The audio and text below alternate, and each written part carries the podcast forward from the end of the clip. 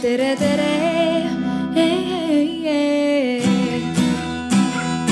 Eestimaa.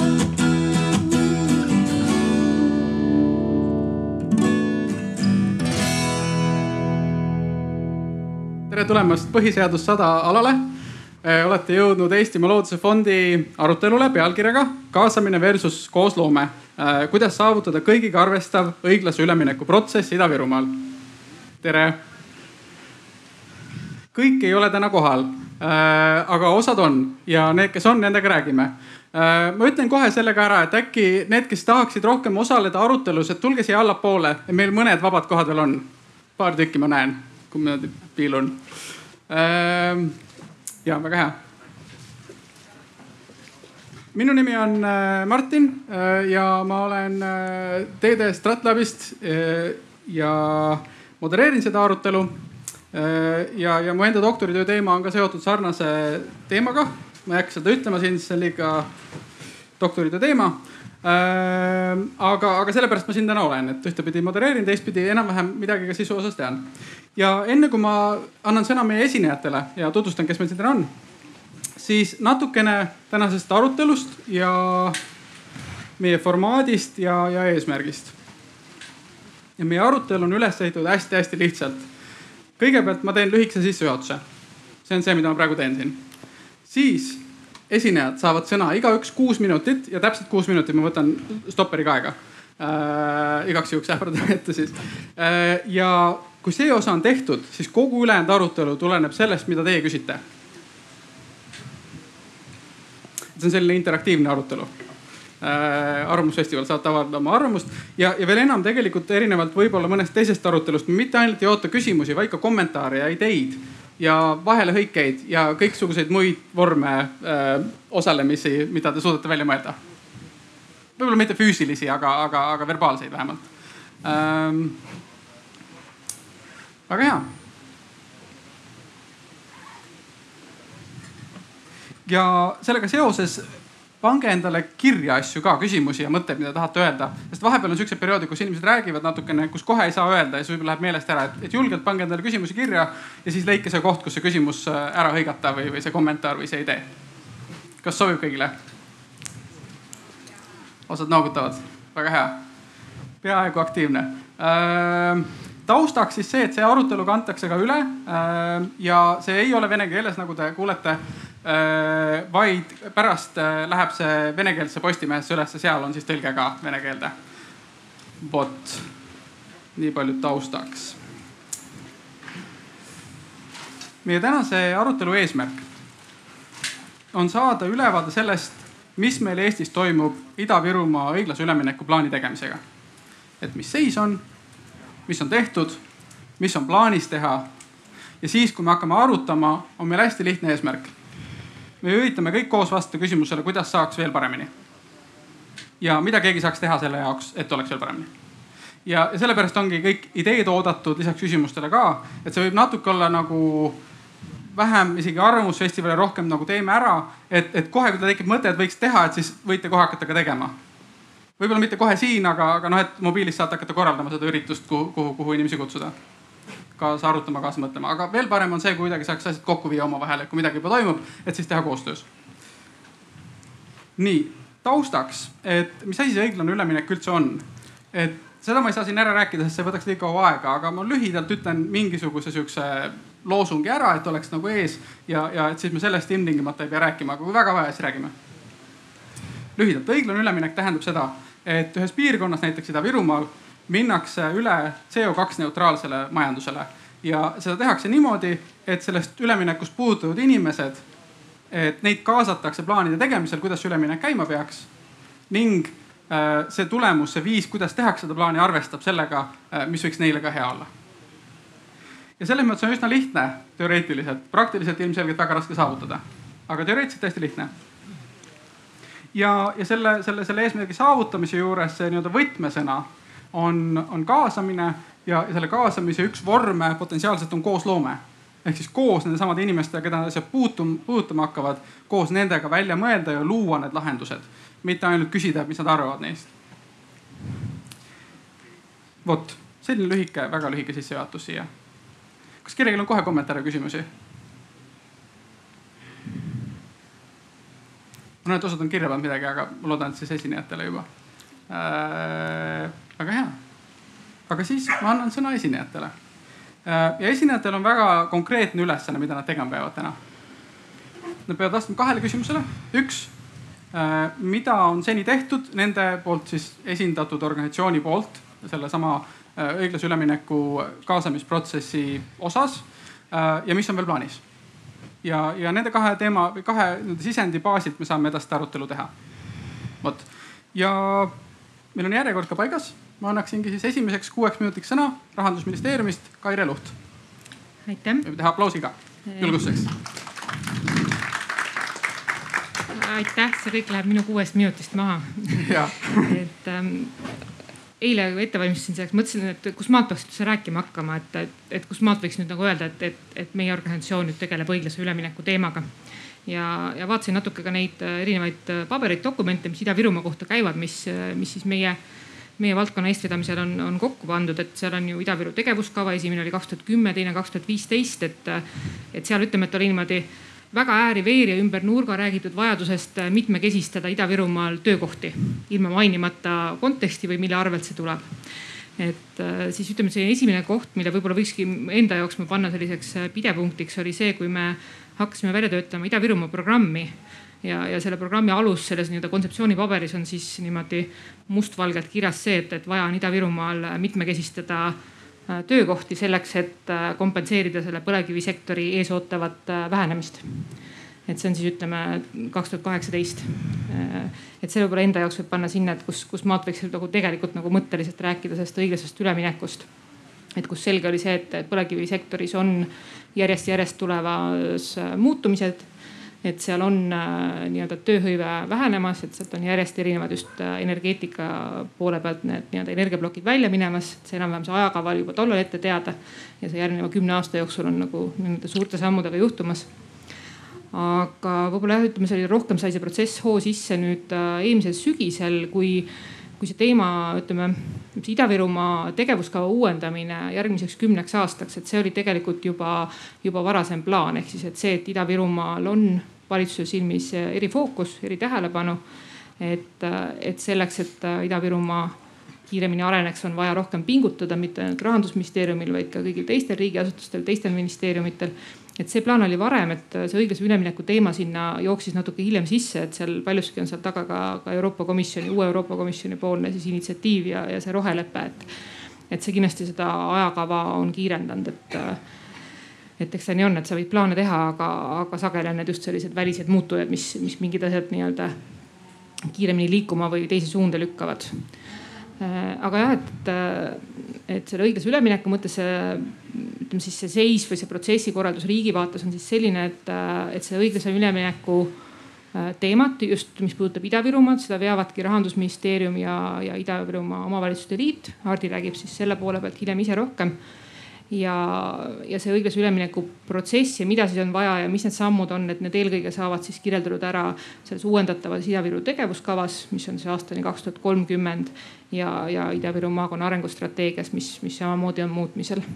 aga ma sellest poolest ei räägi praegu, et äh, ja mida me siis selle raames just selle kaasamise võtmes oleme teinud, et, et nagu ma siin korraga mainisin, et, et see ajakava oli, ütleme võib-olla nagu ootamatult tihedaks kujunes, et kuna see õiglase ülemineku teema tegelikult on hästi mahukas teema Ida-Virumaa mõttes, et kõik otsad viivad lõpuks selleni on ju, et see ütleme, see põlevkivisektori ja, ja selle tulevikust ei saa üle ega ümber, et ükskõik millisest Ida-Virumaa teemast sa minu meelest räägid.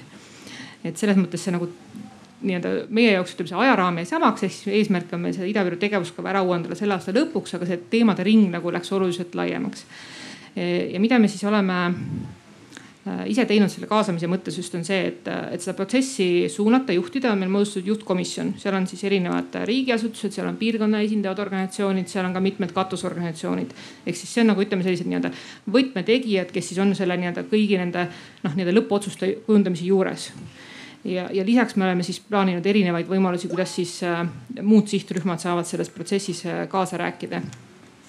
et mis meie jaoks kindlasti on hästi oluline, on see, et äh, et need ideed, need algatused, need vajadused tuleksid piirkonnast koha pealt, et see ei oleks midagi, mida nii-öelda kuskil Tallinna kabinettides, kuigi enamik riigiametnikke on avatud kontoris või kodukontorid, et ei oleks kuskil Tallinna kodukontorites välja mõeldud need ideed, vaid nad tõesti tuleksid piirkonnast koha pealt ja neil oleks ka siis hiljem nii-öelda elluviija olemas.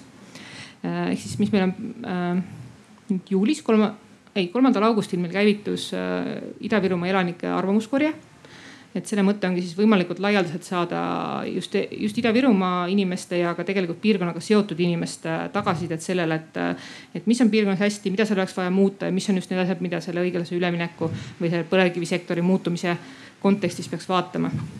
ja see kestab meile septembrini välja ja meil on tulemas siin ka augustis-septembris ka sellised temaatilised seminarid, kus saab juba neid äh, põhjalikumalt neid teemasid arutada. meil on sinna kutsutud ka eksperdid, kes neid teemasid avavad, sest tegelikult see teemade ring on keeruline. et, et ka, ka ma ise, et ma ei ole energeetika ekspert, samamoodi ma ei ole näiteks innovatsiooni ekspert, et, et oleks need inimesed juures, kes neid teemasid avavad. ehk siis, et me proovime saada piirkonnas sisendit, mis on nagu see on ka teine küsimus, et mis edasi saab, et mm, -hmm. et, et meie enda jaoks seal on kindlasti üks märksõna on noored, et kuidas saada piirkonna noortelt just seda sisendit kätte, kuidas saada nende ootusi, et mida nemad tahavad, millist tulevikku nemad näevad, milliseid võimalusi nad vajavad, et nad ei valiks teist piirkonda elamiseks ettevõtjad kindlasti ka keeruline sihtgrupp, keda tegelikult saada nii-öelda sihuke seminaride või küsitlustega ja, ja kindlasti me pöörame eraldi tähelepanu ka sellele, et, et venekeelne elanikkond ei jääks kõrvale, et see on väga suur osa Ida-Virumaa elanikest see on ka suur osa põlevkivisektori töötajatest. et kindlasti nendel oleks ka sõna ja, ja et see keelebarjäär ei oleks takistuseks. aitäh mm. -hmm. aitäh, isegi natuke aega üle äh,. meil on oma keel. väga hea äh,, ma loodan, et panite küsimusi juba kirja. kas kõik on pannud küsimusi kirja? Ma näen, osad ei kirjuta veel, aga varsti kirjutate äh,. väga hea, siis liigume meie praegu siin edasi äh, ja annan sõna Eesti Rohelise Liikumise esindajale Madis Vasserile tere ka minu poolt, ma siis räägin oma versiooni ajaloost. et kui äh, Kaire dateeris selle põlevkivi temaatika alguse kahe tuhande kümne peale, siis äh, Eesti Roheline Liikumine leidis hiljuti oma keldrist ühe postri suure plakati põlevkivi teemadel aastast kaks tuhat neli. Nii et, äh, et keskkonnaorganisatsioonid Eestis on selle teemaga tegelenud üsna pikalt aga võib-olla varasemalt niimoodi üsna ähmaselt või niimoodi hüüdes kõrbes mingeid hääli, aga mitte väga spetsiifiliselt võib-olla esimene sihuke käegakatsutavam samm selles õiglase ülemineku temaatikas oli rahvaalgatus kahe tuhande kaheksateistkümnendal aastal, mis käis Riigikogus, kus arutati, et kas meil on vaja järk-järgulist väljumist põlevkivienergeetikast. Ja selle tulemus oli, et ametlik äh, seisukoht oli, et väga oluline teema, keegi peaks kunagi tegelema. mis jättis meile siis selle mulje, et äkki siis meie. ja, ja nii algaski kahe tuhande kaheksateistkümnenda aasta lõpus äh, sihuke jätkuprojekt, mille raames äh, meie eesmärk oligi tuua siis need osapooled laua taha, et rääkida nendest teemadest siis ja, ja vaadata, kuhu me jõuame. niimoodi väga koosloomeliselt ja selle raames toimus on, on toimunud ütleme neli või viis äh, ümarlauda, kuidas lugeda kus me alustasimegi täitsa nagu algusest, et esimene oli kahe tuhande üheksateistkümnenda aasta suvel, kus me kutsusime võimalikult laia ringi kokku, et nii tööstus kui omavalitsused, kui riik, kui keskkonnaorganisatsioonid, kui akadeemik, akadeemilised asutused ja kindlasti veel osapooli.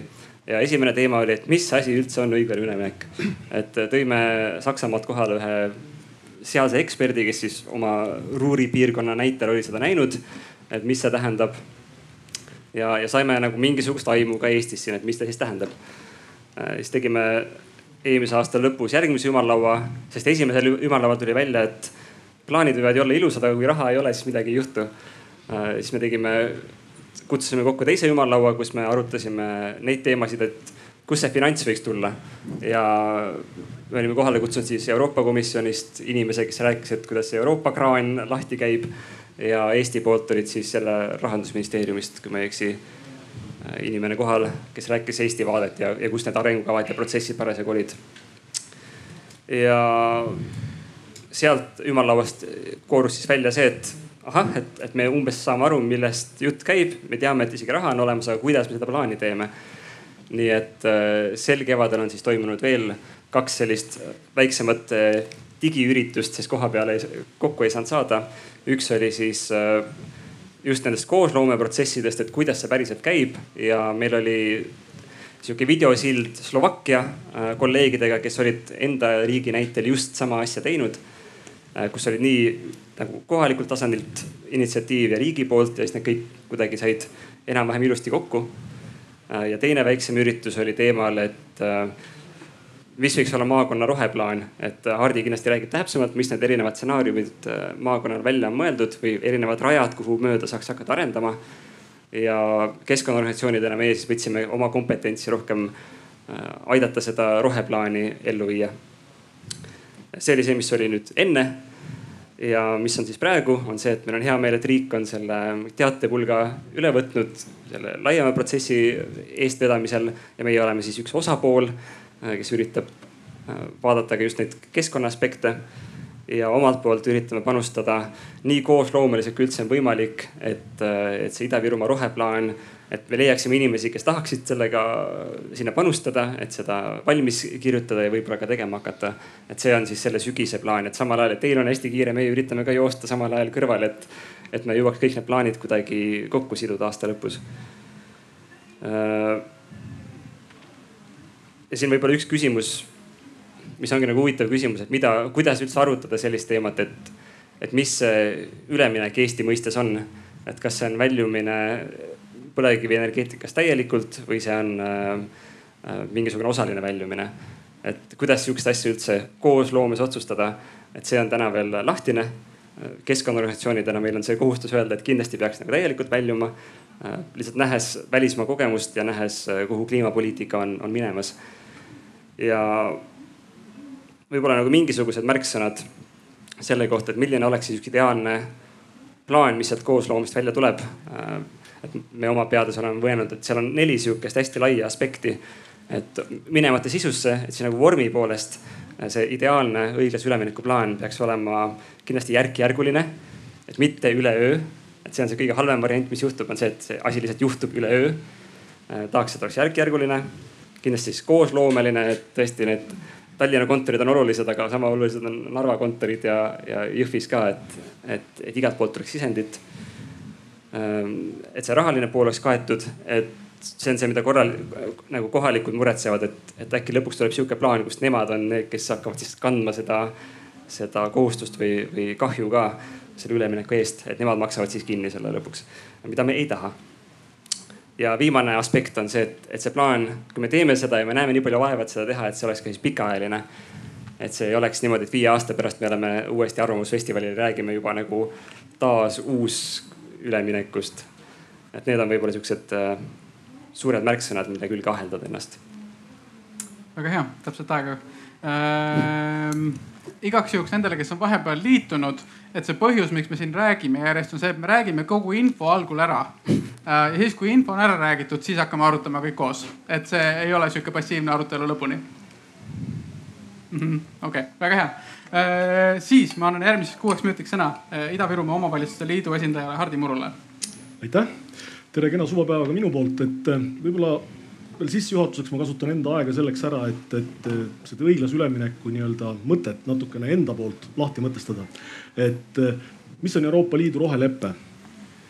Euroopa Liidu rohelepe, see ei ole mitte minu väljamõeldis, vaid meie komisjoni energeetikavoliniku Kadri Simsoni välja öeldud, et Euroopa Liidu rohelepe on Euroopa Liidu uus äriplaan. selleks, kuidas Euroopa Liidus nii-öelda aidata meie suhteliselt seisev majandus ikkagi uuele arengule ja innovatsiooni toetada. et nii me peamegi selle, sellele mõtlema, et, et roheleppe kahjuks ei saa olla maailma päästmise plaan kliimamuutustest. ta aitab loomulikult kaasa, aga arvestades Euroopa Liidu kogu seda CO2 üldemissiooni, siis see on ikkagi väike, väga väike osa kogu üleilmsest emissioonist. aga see selleks.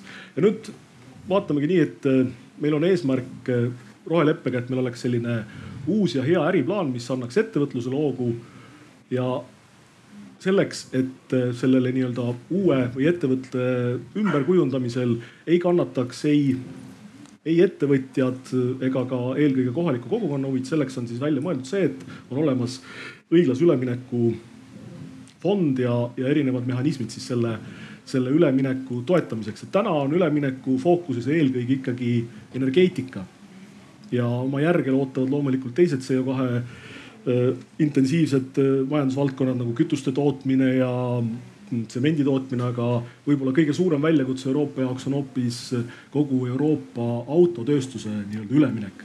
et need autod oleksid siis tõesti sellised, et, et nad toetavad seda eesmärki kliimaneutraalsuse saavutamisel.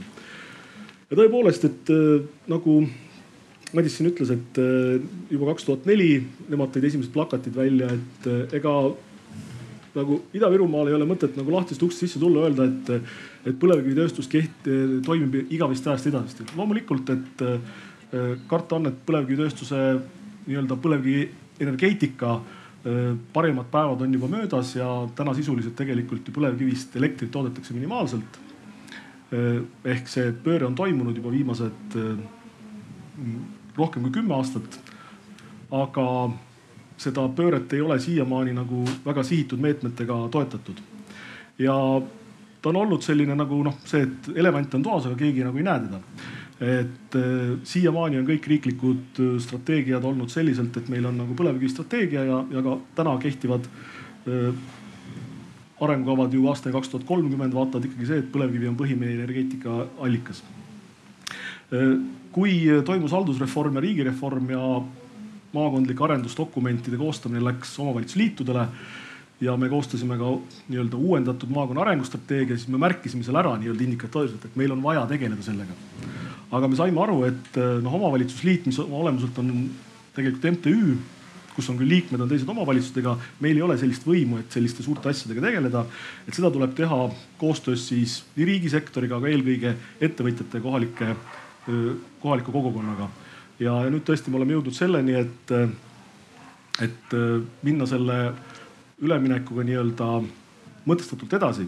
ja kui me jõuame sinna algusesse, et kui me teeme äriplaani, siis kes on meie need nii-öelda noh, põhilised sihtgrupid, loomulikult ettevõtjad.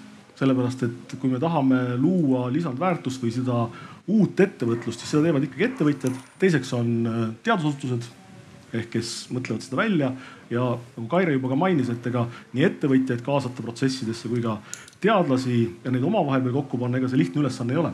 et äh, räägitakse ju väga palju sellest nii-öelda äh, surmaorust, et äh, ühel pool tehakse väga kõvat teadust, teisel pool on ettevõtjad, aga kokku millegipärast omavahel ei saa, eks ju, et, et, et nii ta on.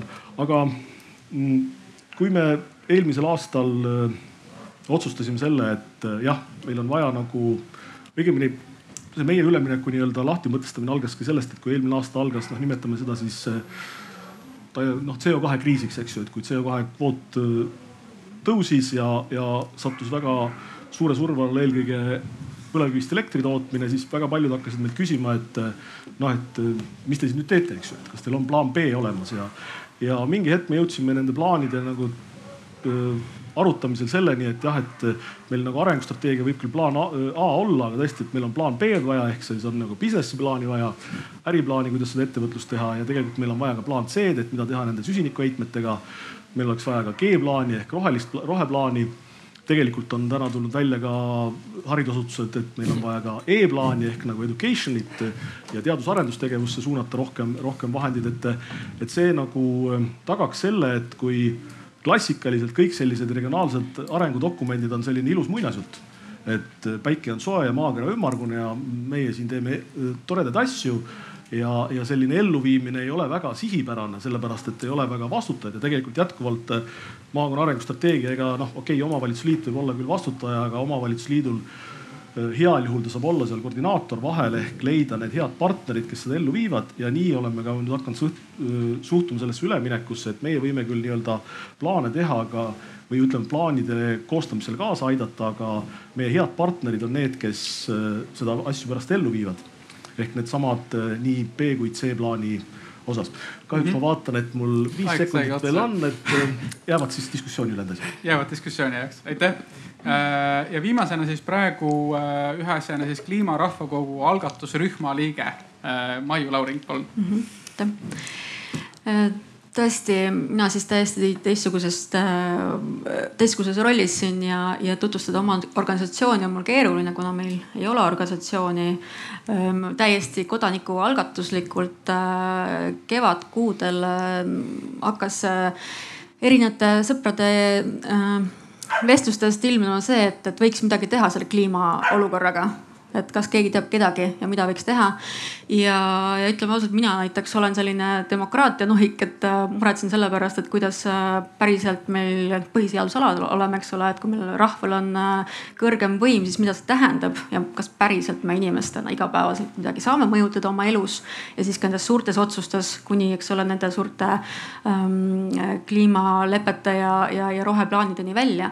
et ähm,, et sellised demokraatia kaasamise teemade pärast muretsen muretsevad ja, ja kliimateemade pärast muretsevad inimesed said äh, kokku ja me tänaseks oleme äh, rohkem selline võrgustik, kes hoiab äh, näppu peal ja eks sellesama seltskonnaga ka siin oleme mitmeid, mitmeid kordi vestelnud ja, ja uurinud, et, et jah, asi on rahvakogu? Ehm, see on üks konkreetne mm, meetod formaat, äh, mis keskendub, mis on siis sellise arutleva demokraatia formaat, et äh, miks ta võib-olla erineb sellisest tavalisest kaasamisest, et sellest kaasamisest, millel meil on ka eesti keeles juba teatav maik äh, juure, juures keeleliselt. Mm, sellel kliimakogul või rahvakogul on minu jaoks kolm sellist olulist aspekti, et esiteks ta toob kokku teadmise, mis ühes teemas on ja, ja ta sünteesib selle ära, ta teeb selle lihtsamini arusaadavaks, toob esile seosed ja ütleb, olgem ausad, see kliimaprobleem, see, et meil on võib-olla ainult kümme aastat, võib-olla vähem aega, et me meie planeeti hoida ähm, ähm, elamiskõlbulikuna, et see on üsna keeruline probleem. Ja, ja rahvakogud mujal maailmas, mujal riikides on näidanud, et selliseid keerukaid väärtuselisi äh, erinevate huvidega teemasid see formaat äh, suudab, äh, ta suudab pakkuda järgmisi samme ja viia edasi neid teemasid et see on üks asi, et lihtsustada, selgitada seda infosegadust. ja selles esimeses etapis siis kaasataksegi eksperdid, ettevõtjad, erinevad huvipooled, kes on nii püüdnud aru saada, mis see probleem on, millega me tegeleme, kui pakkunud ka lahendusi. ehk et see protsess ei alusta nullist, vaid ta püüab maksimaalselt kaasata seni loodud väärtust, teadmisi, seotud osapooli teine etapp on siis see, kus siis see rahvas tuleb mängu. ehk et ähm, tegelikult meil Eestil on ju ka olemas rahvakogu kogemus aastal kaks tuhat kolmteist, kui oli äh, poliitilistel äh, teemadel äh, rahvakogu. tema eripära on siis see, et kutsutakse kokku selline miniavalikkus ehk esinduslik valim meie elanikest, eks ole, selline sada inimest, kus on siis vanuse, soo, hariduse, elukoha järgi esinduslik grupp inimesi, äh, kes siis ähm, pikema perioodi jooksul käivad koos, neile tehakse see teema selgeks.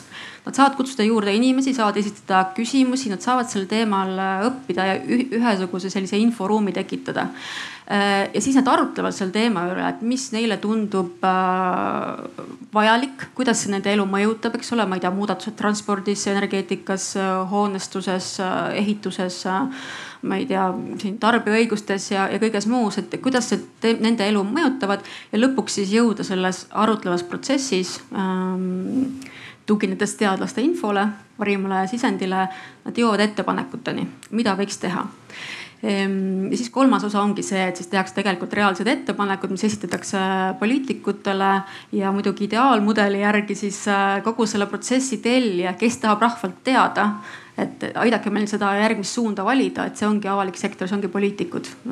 Peaminister, president, minist-, ministrid ähm, parlamendi äh, komisjonid. et äh, kõige tuntum näide võib-olla, kui te mäletate, oli Prantsusmaal oli kollase, kollavestide sihukene suur äh, ülestõus ja mis tegelikult muutus niimoodi, et president Macron tegi ettepaneku samamoodi, et korraldame kliimarahvakogu. See toimus äh, üheksa kuud valiti inimesed, kes käivad koos, teevad endale teema selgeks äh, panustasid hulgaliselt teadlasi, avalik sektor maksis selle kinni, et inimesed saaksid keskenduda, võtta selle aja ja teha asja selgeks endale meie kõigi niimoodi, meid kõiki esindades. ja, ja siis üheksa kuu järel see rahvakogu esitas sada viiskümmend ettepanekut presidendile ja, ja ma tean, et nüüd siin eh, järjest need võetakse töösse, üks on eh, konkreetne põhiseaduse muudatus, millega president juba läheb edasi. ehk et selline väga viimase aja konkreetne näide nüüd ähm, meie mõte siin on olnud, et miks me oleme siin selle Ida-Virumaaga kuidagi niimoodi küljes olnud selle protsessi juures, et, et me võiksime väga edukalt just selle meid ees ootav keerulise muudatuse nagu lahendamiseks ja probleemi lahendamiseks kasutada sihukest rahvakogu meetodit ka Eestis, ka Ida-Virumaal. ja tegelikult me siin natukene noh, me oleme seni näinud oma rolli selles, et me hea meelega toetame, et kui on sellised kaasamisüritused, kus kogukonnalt küsitakse, et siis äh, sinna anda nõu ja jõudu, et kuidas seda läbi viia. nii et ähm, aga selline täiesti konkreetne formaat, mida siis äh, oleme pakkumas, et, et võiksime ka Eestis ja Ida-Virumaal äh, kasutada mm. -hmm. aitäh. nii meil on üks ring peale tehtud, mis mm -hmm. on äh, tehtud, mis on tegemises, mis on veel ka plaanis Äh, nüüd on aeg, äh, ma viskan kohe publikusse. Äh, kas kellelgi on kohe küsimusi just selle kohta, et mis on praegu siiamaani tehtud ja eelkõige selle osas, mis on veel plaanis? üks koer liputas sabas. jah, kõik ei pea korra küsima. anda natuke aega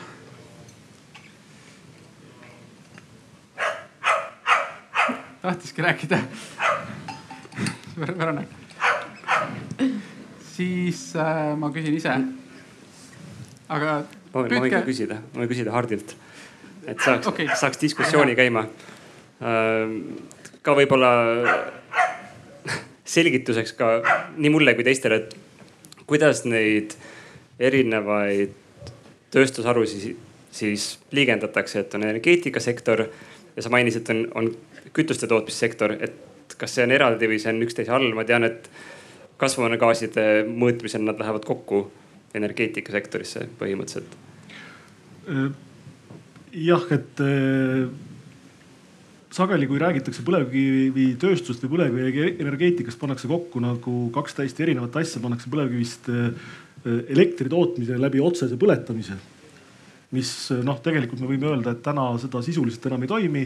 on valitsuse otsusega hoitakse meie uhiuuel Narv või vabandust, Auvere jaamal nii-öelda tuli all kergelt. et kui on vajadus, siis saaks nagu elektri tootmist äh, käivitada. aga teine äh, valdkond on, äh, on ikkagi põlevkivist õli tootmine ja selle õli tootmisega kaasnevast generaatorgaasist elektri ja sooja koostootmine ja lisaks siis kõik muu mm, peenkeemia, mis sinna käib, et äh, mina kindlasti ei ole nii-öelda põlevkivitööstuse ekspert, ma näen siin kuulajate seas on nii mitugi inimest, kes võiksid sellest pikki loenguid pidada. et äh, aga äh, millegipärast on avalikus diskussioonis on nad nagu ühte patta pandud, sest tegelikult täna ei ole kusagil ei Eesti riigi tasemel ega ka, ega ka meie Euroopa Liidu partneritega võetud vastu konkreetseid otsuseid, mis puudutab nagu kütuste tootmist et loomulikult tegemist on fossiilsete kütustega ja sellest tuleb väljuda, aga eh, hetkel ikkagi eh, kogu rafineerimissektor Euroopa Liidus on natuke erikoheldud, et ta ei mm, -hmm. ei, nad on küll eh, Meelis noogutab mulle kaasa, ta on küll kaup, kaup, ETS kauplemissüsteemis sees, aga tal on tasuta kvoodid tänasel hetkel. nii, läks, läks mul täppi. noogutas kaasa. Äh, teised ei saanud midagi aru, mis on ETS, aga ärme lähegi võib-olla isegi nii sisse et selles mõttes, et antud selle arutelu kontekstis siin see fookus lõpuks on meil selles, et, et meil on praegu plaani tegemine et kuidas teha seda asja. meil on hulk erinevaid osapooli, kes midagi teevad. Äh, ja, ja küsimus siin, mille üle tahaks arutada, on see, kuidas saaks paremini veel ja, ja selle nii-öelda kogu selle järgneva arutelu ma laias plaanis jagaks kolme suurde teemasse. üks on see, et saada sellest praegusest seisust ja plaanidest võimalikult selge ülevaade ja praegu me oleme siin. kui selle osas on veel mingeid küsimusi või, või, või mõtteid lisada, siis see on praegu see koht aga nii kui sellega oleme okei okay,, et tundub, et me saame aru, mis seis on ja mis, mis tehakse. Äh, et siis tegelikult liiguks edasi järgmine selle, selle juurde, kuidas saaks paremini. Äh, vaadata korra, mida tehakse mujal, mida on tehtud mujal, mida meil on sealt õppida, mida mitte mida me jõuame rakendada, mida me ei jõua rakendada. ja siis kolmandaks plokiks jätaksin äh, sõnapaari poliitika ja muu keerulise äh,. et on mõned väga keerulised asjad, küsimused veel, siin juba korra tuli ka see Ida-Virumaa versus Eesti äh, küsimus on ju, et kui erinevaid asju tahetakse näiteks äh,. aga siin on tulnud küsimus, kommentaar, mõte nii, pidin vist äh, hoidma mik-, sealt eemale. Äh, kui sa küsid, et äh, kuidas saaks paremini, siis mis on täna halvasti? nii lihtne küsimus ongi. jah, seda võib küsida muidugi äh,. aga noh, ütleme sellepärast praegu esimene, praegu me oleme selle seisu küsimuse juures, et mingis mõttes me üritame ka aru saada, kas on midagi halvasti, kus on midagi halvasti, kus saaks midagi paremini. aga ütleme, et see küsimus ei ole halvasti, ütleme, ma arvan, et see on nagu mingis mõttes siin ilmselge nagu sai ka öeldud, on ju, et meie siht on selge, lõpuks me tahaksime, et planeet ei hävineks, on ju Äh, samal ajal me peame suutma kuidagi teha nii, et muud asjad ka ei läheks mädaks. sest me teame, et kui muud asjad lähevad mädaks, olgu see majanduslikud või poliitilised või sotsiaalsed, siis juhtuvad ka halvad asjad ja siis lõpuks läheb planeedi, planeediga halvasti. ja et lõpuks me üritame teha maksimaalselt, mis me suudame ja et halvasti on see, et me ei tee maksimaalselt alati, me ei suuda teha maksimaalselt, mis tähendab, et noh, see siht on saada võimalikult paremini. Nii et ma ei hakka vastama sellele, kui te soovite vastata sellele, siis te võite muidugi, et kui oskate öelda konkreetselt, et see asi on halvasti, siis te võite seda muidugi öelda praegu ka jah, ma võin öelda, et meil oleks äh, kindlasti maakonda rohkem ettevõtlikke inimesi vaja ja, ja ettevõtjaid, kes seda, kes tulevad oma ideedega välja ja neid ellu viivad. et äh, ma arvan, et plaanide tegemisel iseenesest noh, plaan ei saa olla eesmärk omaette, meil on ikkagi eesmärk on see, et me selles plaanis lahti kirjeldatud asjaga mõistliku aja jooksul ja mõistlike vahenditega ellu viime, et, et see on võib-olla mm. fookuses, et ja seal on vaja nii-öelda eestvedajaid, et see äh, kaasamine versus ühisloome ongi see, et, et kaasamine noh, ongi see kaasavedamine, eks ju, et meil oleks neid vedureid vaja, kes, kes, kes teisi kaasa veavad ja, ja üldjuhul nad on, on ettevõtjad ja teised äh, aktiivsed inimesed, et kindlasti kui, et mis on halvasti, et neid võiks alati rohkem olla mm. -hmm. ja mina võib-olla lisaks, millele ma siin enne ka juba vihjasin, on see, et, et täna meil on vist tekkinud konsensus selle osas, mis on õiglane aga meil ei ole veel täpselt arusaam, et mis see, millest see üleminek toimub, millesse. Et kas see on sihukene, ongi põlevkivi põletamisest põlevkiviõlile või põlevkivi põletamisest ja õlist veel välja kuhugi. Ja see lähteülesanne on hästi oluline, sest nii Praxise analüüs, mis hiljuti äh, tehti valmis, mis vaatas siis välismaa kogemust ja, ja ka teised välismaa tööd ise on näidanud seda, et, et kui me ei pane seda eesmärki paika, kui me jätame ta hästi häguseks, siis, siis see ebaselgus nagu viib selleni, et me teeme seda protsessi pikalt, täpselt teadmata, kuhu me lähme, see läheb kalliks ja lõpuks me võib-olla ei jõuagi kohale kuhugi. et see on see esimene sihukene asi, mis võiks olla parem, et võiks olla selge, et kas mm, -hmm. mis see otsus on, et mõlemat pidi, et kas see on väljumine või see on jätkamine mingil kujul. et siis me teame ütleme nii, et see läheb natuke sellesse viimasse plokki, et poliitika ja muu keeruline, aga kui me juba siin oleme, et võib-olla käime siis korra seal ära, et ma võib-olla korra siin on rahandusministeeriumi perspektiivi, et kuidas tundub, et kas see praegune püstitus on selge või kui ei ole, et kas see protsess, mis on plaanis, et kas aitab selle selgeks teha? ma just tahtsin enne mõtlesin ka, et äkki on võimalus kommenteerida, et mis tuli ka välja teie korraldatud kevadistest seminaridest, et tegelikult oodatakse väga selgelt sellist nii-öelda Äh, ütleme siis sellist juhtkonna nägemust või, või juhtkonna eestvedamist, et see puudutab nii riigi tasandit on ju, et tegelikult vaadatakse poliitikute otsa ja selle pilguga, et, et, et mis juhtnöörid nende poolt tulevad.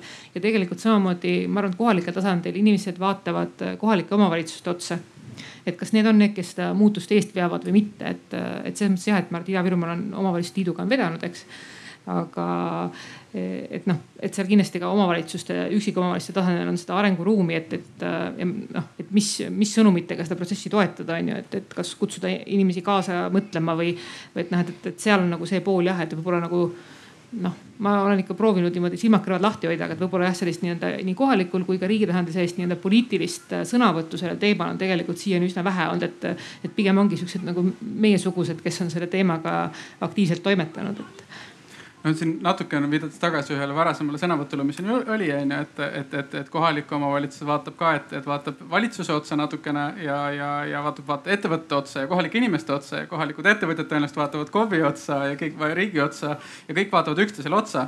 ja mingis mõttes on ju see kaas, kaasamine ja koosloome natuke ongi, et kõik tulevad kokku, vaatavadki üksteisele otsa, hakkavad rääkima. ja, ja noh, see ongi see protsess potentsiaalselt, et, et lõpuks ei ole kellelgi seda vastust, vaid koos saab selle vastuse ainult nagu kuidagi siis nagu sõnastada. aga ma siis lasen siia kommentaariks mm. -hmm. ma tahan seda öelda, et seal äh, seltskonnas, kes kõigile üksteisele, kõik üksteisele otsa vaatavad, tegelikult ei ole seda äh, sihtgruppi, seda seltskonda, keda kõige valusamalt potentsiaalselt need muutused hakkavad äh, mõjutama. et ähm,, et ähm, et see sotsiaalne üleminek, ma ei taha hakata siin, õiglane üleminek, ma ei taha hakata siin defineerima ja, ja või seda murdma, aga tegelikult oluline osa sellest on ka see, et, et ikkagi nendes muutustes ei tekiks, me, me ei viiks inimesi teadmatusest äh, mingisse sotsiaalsesse kriisi Ähm, et tuleb tegeleda sellega, kuidas inimesed oma eluoluga päriselt siis äh, hakkama saavad nendes äh, muutustes.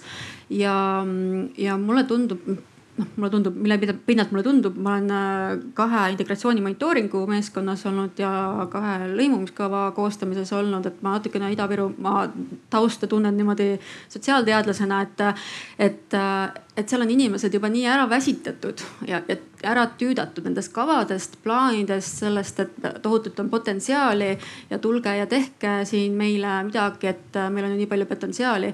et ähm, aga tegelikult siis on nagu kaotud ära kuidagi kuskil nende plaanidega, et minu mure, võib-olla see ei ole halvasti, aga mure on see, et, äh, et seekord selle protsessi juures oleks noh maksimaalne tehtud kaasajate poolelt, et äh, see info jõuaks üldse tavalise inimeseni, et kava on tegemisel, mida see tähendab nende jaoks, kas see üldse puudutab kõiki idavirumaalasi või ainult, ma ei tea, kaevureid ja nende naisi näiteks. Ähm, et sellist nagu äh, väga mm, et kui avalikku debatti ei ole, ka poliitilisi sõnavõtte ei ole, et siis, äh, et siis seda diskussiooni ise luua, äh, sisustada ja sellesse tõmmata osapooli kaasa, et seda võiks äh, võib-olla äh, rohkem olla. Aga miks meile just see kliimakogu või see rahvakogu formaat meeldib, ongi see, et sa kutsud selle tavalise inimese ja temal on sellest tohutust, tal on omad hirmud, ta ei tea, mis saama hakkab, eks ole, ta kuuleb, üks poliitik ütleb nii, teine naa, onju. eksperdid ei suuda ka omavahel kokku leppida, onju, et tuleb siis prügiga sorteerida või ei tule, on hästi lihtne näide, on igapäevane et, äh, et tegelikult selles infovirvarris tegelikult on vaja sellel inimesel nagu teha, võtta rahulikult, las ta küsib oma küsimusi. Äh, saab ta rahulikult vastata, selgeks teha need asjad ja siis ta ütleb, et kas see puudutab mind ja, ja kuidas see puudutab ja mida ma tahaksin, et edasi hakkab juhtuma. et selle tavalise inimesega tuleks tegelikult rohkem äh, tegeleda ja teda mõista, mitte ainult ettevõtetega, kes on väga oluline roll, aga need töötajad ka, et nende hirmud ja, ja, ja, ja sellised äh, mured saaksid nagu adresseeritud et need ei hakkaks pidurdama arenguid sellel eesmärgil just mm. -hmm. väga hea. aitäh, Marek Kiisa minu nimi ja esindan tehnoloogiasektorit ja, ja miks Ida-Virumaa? sellepärast, et me oleme, ma ütleks niiviisi, nii et, et mm, meie silmis on Eestil ainult üks maavara ja, ja need on noorte inimeste ajud need on kõigi meie inimeste ajud, kes koolitavad ennast ettevõtlusele eh, kõlbulikuks nii-öelda. ja, ja, ja me oleme eh, viis aastat nüüd teinud sellist või kuus aastat eh, sellist liikumist nagu ettevõtlikkuskooli tulevikukooli nime alt ja viinud siis tehnoloogia ettevõtjad kõikidesse Eesti koolidesse rääkima oma lugu, mispärast nad said ettevõtjaks ja millised vabadused, millised võimalused annab ettevõtjaks olemine. selle pika sissejuhatusega siis eh, jõuan nüüd eh, Ida-Virumaale. Eh, ja minu meelest riik on teinud väga, väga tänu, tänuväärsed sammud Kohtla-Järve gümnaasium Jõhvi gümnaasium, minu meelest need on ülihästi ära juhitud ja, ja ülinutikad õpilased õpivad seal nendes mõlemas koolis. ma olen käinud äh, Jõhvi gümnaasiumis äh, kolm aastat rääkimas seda minu lugu ja ma olen teinud äh, sellist noh, nii-öelda sotsiaalset hääletamist õpilastega. ja, ja, ja domineeriv osa neist soovib oma õppimisi jätkata kohalikus omavalitsuses ja nendest ühest klassist kuskil kuus õpilast juba olid piisava digipädevusega, nii et nad töötasid õhtusel ajal oma vendade, õde, õdede IT-ettevõtete heaks. ja nüüd ma jõuan nagu pointsini, et eh, meile see Covidi harjutus väga selgelt näitas, et eh, ellu jäävad need, kellel on digioskused need, kes eh, suudavad eh, oma tööd teha kodudest ja, ja mida näitas siis eh, telefoni jälgimine, et enam Tallinn ei olnudki noh, nii-öelda selline tõmbekeskus Tallinna-Tartu, et, et muutus hajeasustus. mis tähendab, et inimesed läksid oma maakodudesse väga paljud ka Ida, Ida-Virumaale ja tegid oma töid siis kaugtööna mm. -hmm aga ühesõnaga, see on nagu põhimõtteliselt üks potentsiaalne lahendus äh,, kuidas seda õigesti üleminekut teha. vabandust, et ma nii pikalt, pikalt räägin, aga, aga mina, meie vaatame, meie nagu tehnoloogiaettevõtete poole pealt äh, julgeme väita, et, et lähemas kümne aasta perspektiivis tehnoloogia või väga palju ettevõtteid muutuvad tehnoloogiaettevõteteks, kus digioskused on, on nagu eesti keel, mida me siin praegu räägime. mis tähendab, et see, kui me tahame Ida-Virumaa noh, nii-öelda õnnelikuks saamisest rohkem rääkida, me peame veel ja veel ja veel neid digioskusi külvama sinna, õpetama ja, ja harima neid, neid noori et nad tahaksid olla seal ja, ja muutuksid konkurentsivõimeliseks üle kogu maailma. aitäh. aitäh ähm ma arvan, et ongi aeg minna äh, selle põhiteema juurde, sama, kuidas saaks paremini küsimuse juurde ja võib-olla ma, ma teen siia sissejuhatava küsimuse korra ja siis liigume siit samm-sammult edasi. et meil selle arutelu pealkirjas oli kaks sõna, üks oli kaasamine, teine on koosloome ja, ja ma korra tahaks võib-olla panelistidele visata selle küsimuse ka, et, et mis juhul te ütlete, et see protsess, mis nüüd nagu praegu käib ja, ja, ja toimub veel, et ta on hea kaasamine ja, ja, ja kas ta võiks olla see nii-öelda koosloome ja, ja, ja mida te mõtlete selle all, kui te arvate, et ta võiks olla see koosloome?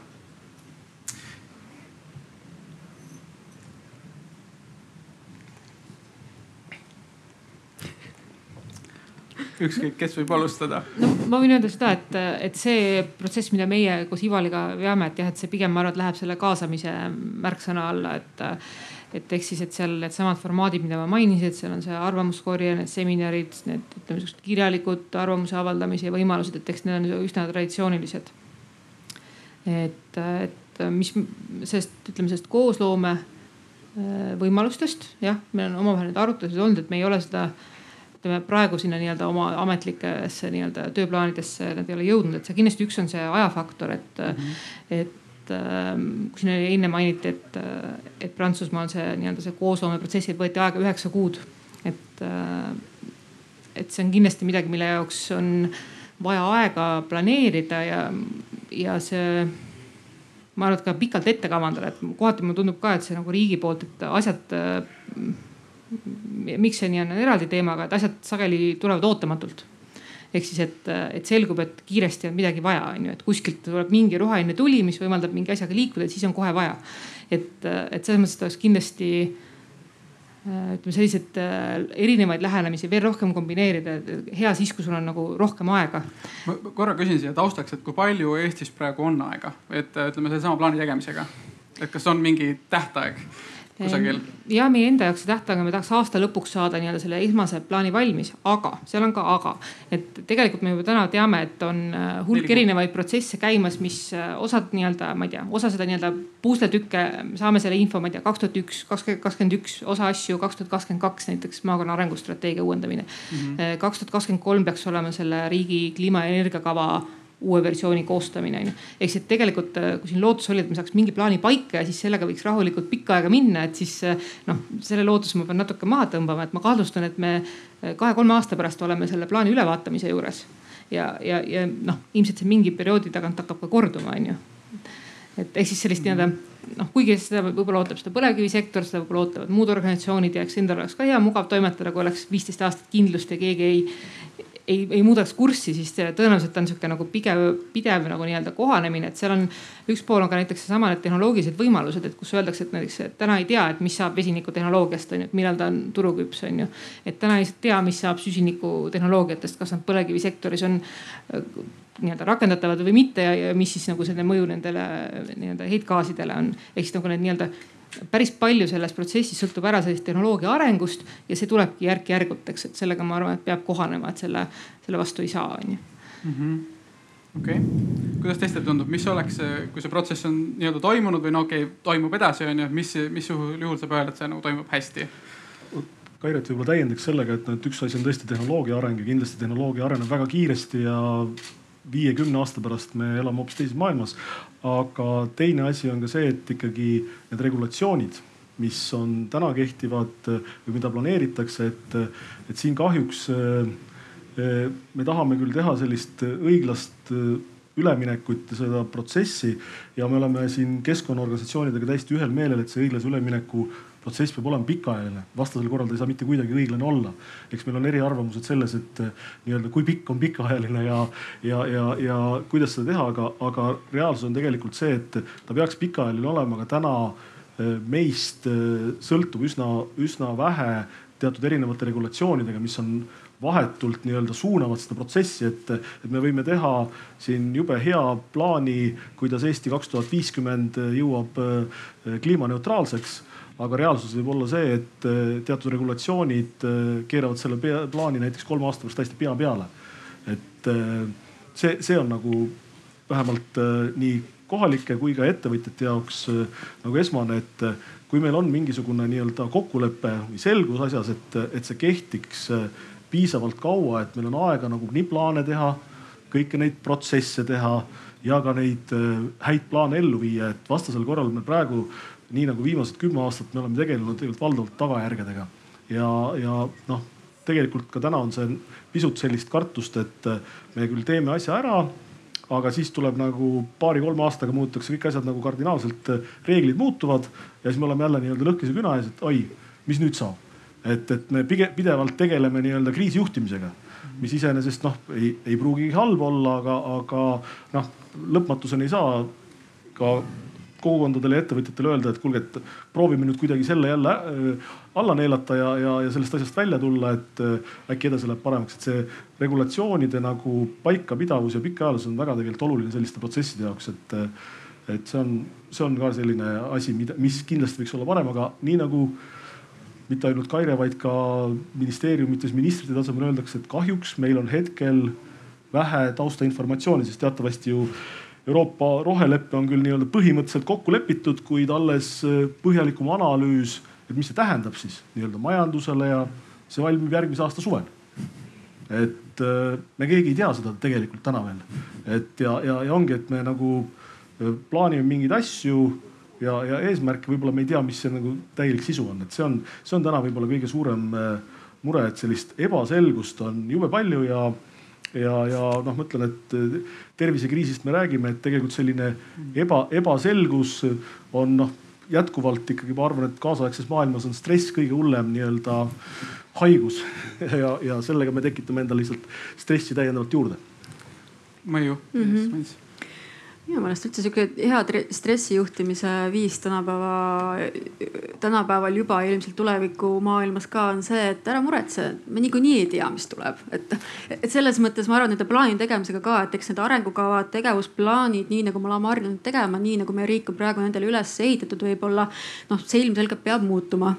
Väga ebamugav, me ei taha sellele mõelda, me ei tea, mis vormis ta edasi peaks olema, aga, aga ilmselgelt nii kiiresti me ei jõua nagu äh, kogu aeg neid plaane ümber teha, sellepärast ongi inimesed, huvigrupid, eks ole, tüdinenud jälle mingi plaani tegemine, plaani tegemine nagu tegevuste elluviimisel nagu ei jõuagi, eks ole, et neid plaane ellu viia et, et see noh, see taustsüsteem kindlasti on ka muutuses, et, et ähm, aga mida ma tahtsin nagu konkreetselt täiendada siia sellesse võib-olla selle õiglase ülemineku kavasse on, et, et noh kaks asja, et üks asi on see, et noh, et tohutult võtab aega selline kaasamine, et no meie konkreetselt meie algatusrühma nägemuses meil on sihuke üks sihukene pakettplaan, ettepanek praegu välja mõeldud, kus oleks ähm, kaks nädalat oleks sihukene rahvakogunemine, rahva koostööd, eks ole, neli, nelja kuuga saaks niimoodi algusest otsani selle enam-vähem Eesti oludes nagu võib-olla tehtud. aga muidugi see ei ole lihtne, seal on ressursse vaja, et seda teha.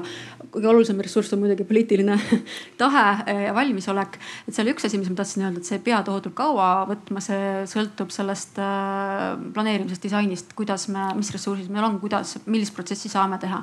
Mm, aga teine asi, mis ma tahtsin öelda, on see, et võib-olla selles, sellest kavast, äh, sellest õiglast üleminekust äh, seni on räägitud ja mõeldud liiga palju selles jällegi selles ettevõtluse võtmes, võib-olla investeeringute mõttes, eks ole, et noh, meil on vaja selgeid otsust ülevalt, et siis me saame teha selle projektiplaani, eks ole, selle investeeringu võtta ette, eks ole, ja arutada neid tasuvusaegu.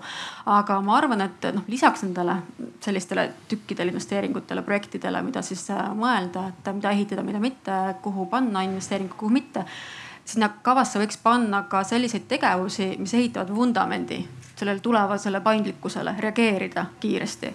selleks, et meil omavalitsused Ida-Virumaal oleksid võib-olla julgemad, teadlikumad äh, ka, eks ole, nendesse arengutesse noh, ütleme inimesi ka kaasama, eks ole, kutsu, kaasa kutsuma.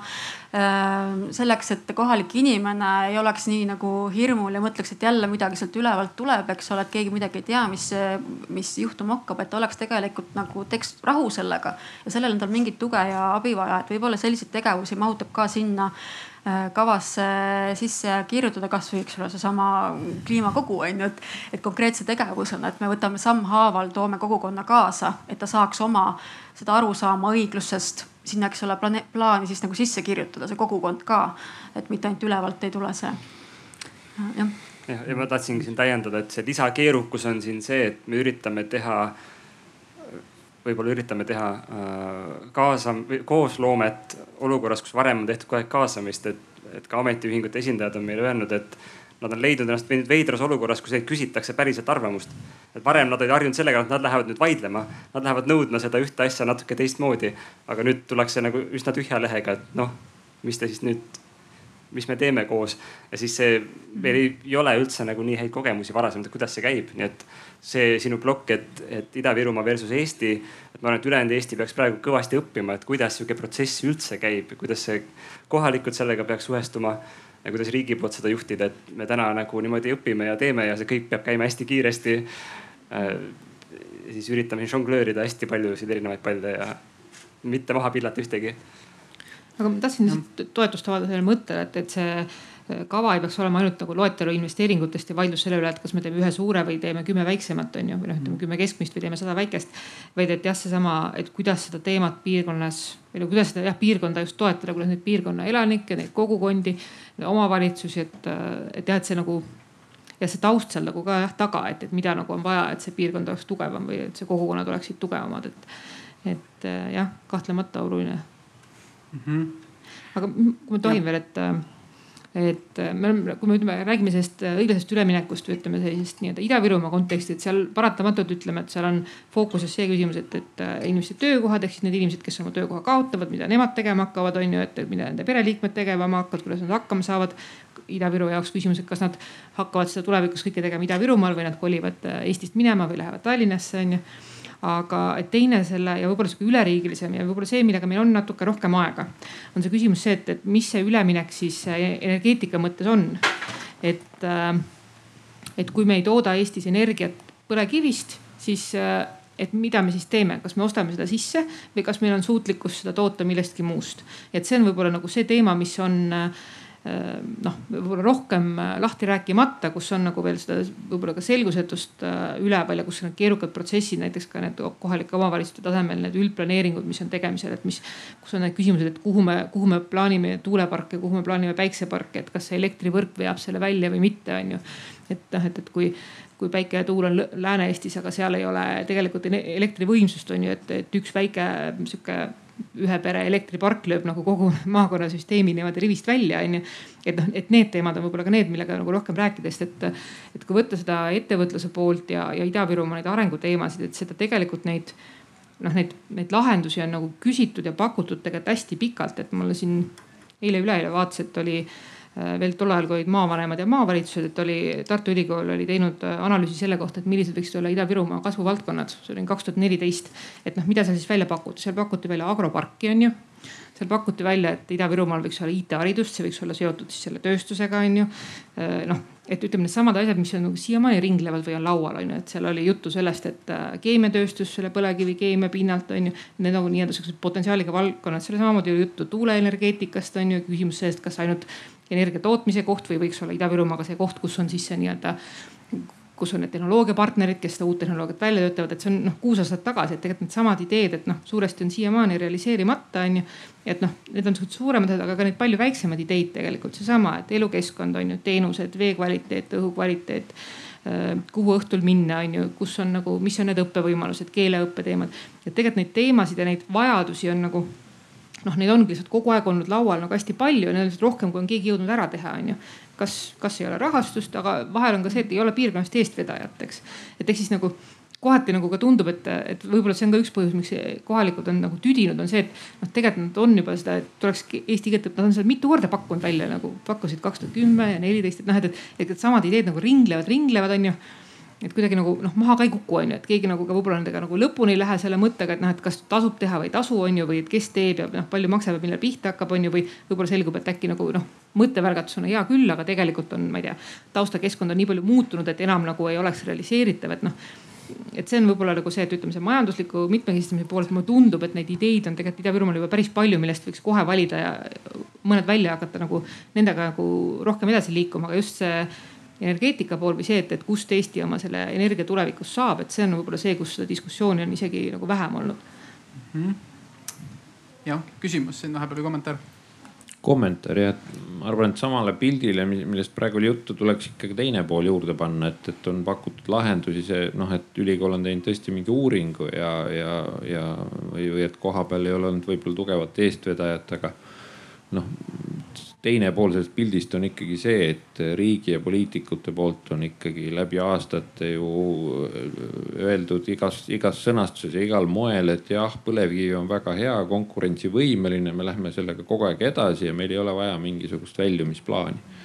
tegelikult on see, mida on kogu aeg öeldud, et ja, ja, ja see, see on meid viinud ikkagi ju, mitte et me peaks minevikku üldse oma arutelud minema, aga, aga, aga, aga see, see oleks võib-olla hea ikkagi nagu välja öelda, et et, et, et nüüd me olemegi jõudnud sinna, et kus meil on noh, loetud kuud aega tegelikult, et, et see ei olnud ikkagi nii ootamatu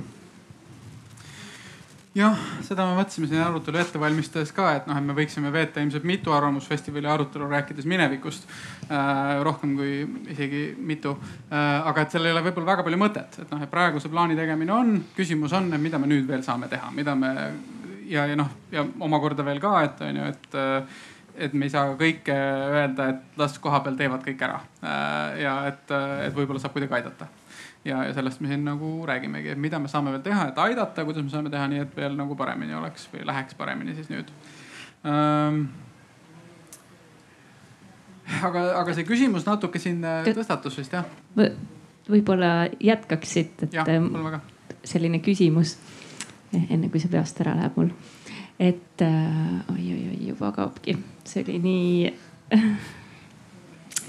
äh, ja et, et kui me teame, et me oleme võib-olla varem siis kas pigistanud silma kinni ja nüüd meil on äkki hästi kiire ja me ei jõuagi tegelikult enam teha väga sellist koosloomelist kava, sest et aega lihtsalt ei ole, et noh, nii on. aga et kuidas me võiksime siis äh, äh, praegusest olukorrast niimoodi edasi minna, et äh, et me teeme seda hetkel nii äh, kavalasti või hästi, et me ei oleks selles olukorras siin veel enam tulevikus. et me suudaksime siis äh, äh, ütleme, need arutelud niimoodi püsti panna, inimesed niimoodi kokku kutsuda ja arutleda neid täpselt neid õigeid küsimusi ja saada need õiged vastused sealt kätte, et me ei oleks siis hiljem enam sellesama ees, et oi, aga me ei mõelnud selle peale ette või midagi, et kas jah, kas sellele on head vastust, aga küsimus on? no mina tahaks seda natukene võtta maha, et noh, et meil ei ole enam üldse aega, et nüüd on hästi kiire, et tegelikult me räägime ühest dokumendist, okei okay, jah, seal on suured rahad taga, et väga tark oleks ikkagi maksimaalselt ära kasutada, eks ole. et siin ma nagu tunnen isegi natukene kaasa ametnikele, kes peavad selle väga nutika dokumendi kokku kirjutama, eks ole, teades seda Eesti tausta ja kõiki neid muud, noh seda, eks ole, et, et, täpsem info alles tuleb ja tuleb, eks ole, et siin on jah, tunnen kaasa, soovin edu aga, aga tegelikult meil tuleb ju kogu selle roheleppe valguses väga palju strateegilisi dokumente Eestis ümber äh, vaadata, ümber kirjutada, neid tegevusplaane sisustada, sellega kooskõlla hakkama, hakata viima. et, äh, et jah, et, et ja seda ja see ei ole nüüd äkki vast nii ootamatu, kui nüüd see konkreetne äh, dokument, mida on vaja kokku panna, et, et võib-olla noh, ma ei tea, mina saan meie, meie algatusgrupi poolt öelda, et me kavatseme küll küsida ja nügida ja uurida, et mis need ülejäänud kavadega saab, et kas keegi tegelikult tegeleb juba või kas on mõni huvirühm, kes juba tegeleb ja küsib ja nügib, et, et tegelikult see pilt on ju palju suurem, eks ole, kogu see kliimapoliitika ähm,. mille pärast me ka sellest äh, põlevkivisektorist muudatustest räägime, et seal on nii palju muid valdkondi, mis on eri ministeeriumites laiali ja nende kõigiga vast ei ole veel, on kohti, kus ei ole veel hilja ja jõuab läbi mõelda kirjutada välja, eks ole, mida me teame, mida me veel ei tea ja siis selle pealt nagu minna edasi. ja ma arvan, et sinna, ma loodan, et sinna kavasse saab sisse ka mingid laused, et need, neid protsesse me teemegi järgmisel aastal, aga me kirjutame kavasse sisse, et me kindlasti teeme neid protsesse, et siis on nagu justkui sõrm juba antud mm. -hmm jah, no et, et siit eh, natuke tuleb see küsimus, et noh, et, eh, et mõnda asja praegu ei jõua teha, aga mida siis veel nagu esiteks, mida jõuab ja teiseks on see, et mingid asjad juhtuvad ka hiljem, on ju, mida me saame praegu alustada, mida oleks vaja hea aasta, kui meil aasta pärast oleks olemas. võib-olla praegu sinnapoole viskan natuke seda küsimust. jah, et eh, ma veel kord rõhutan seda, et ega dokumentide tegemine ja, ja kogu selle protsessi ülesehitus on nagu üks asjast, aga mina rohkem nagu juba ette muretsen eestlaslikult sellepärast, et kuidas neid asju ellu viia ja, ja et ei tekiks äh, mingisuguseid äh, tõrkeid selles äh, asjas, et võib-olla ongi see, et Kaire juba ütles, et ega meil neid ideid, mida võiks teha ja, ja peaks tegema, on nagu piisavalt, aga, aga kuidagi ei ole nad läinud, et peaksimegi sellele keskenduma, et need tõesti head ideed siis veel kord üle vaadata, ära hinnata ja, ja, ja ellu viia. sest tegelikult, kui nagu roheleppest rääkida, kogu sellest taastuvenergeetikast, siis ma just eh, eelmisel arutelul eh, mõtlesin ja, ja rääkisin Kadriga sellest, et Eestis on põhimõtteliselt olnud kolm sellist suurt rohealgatust.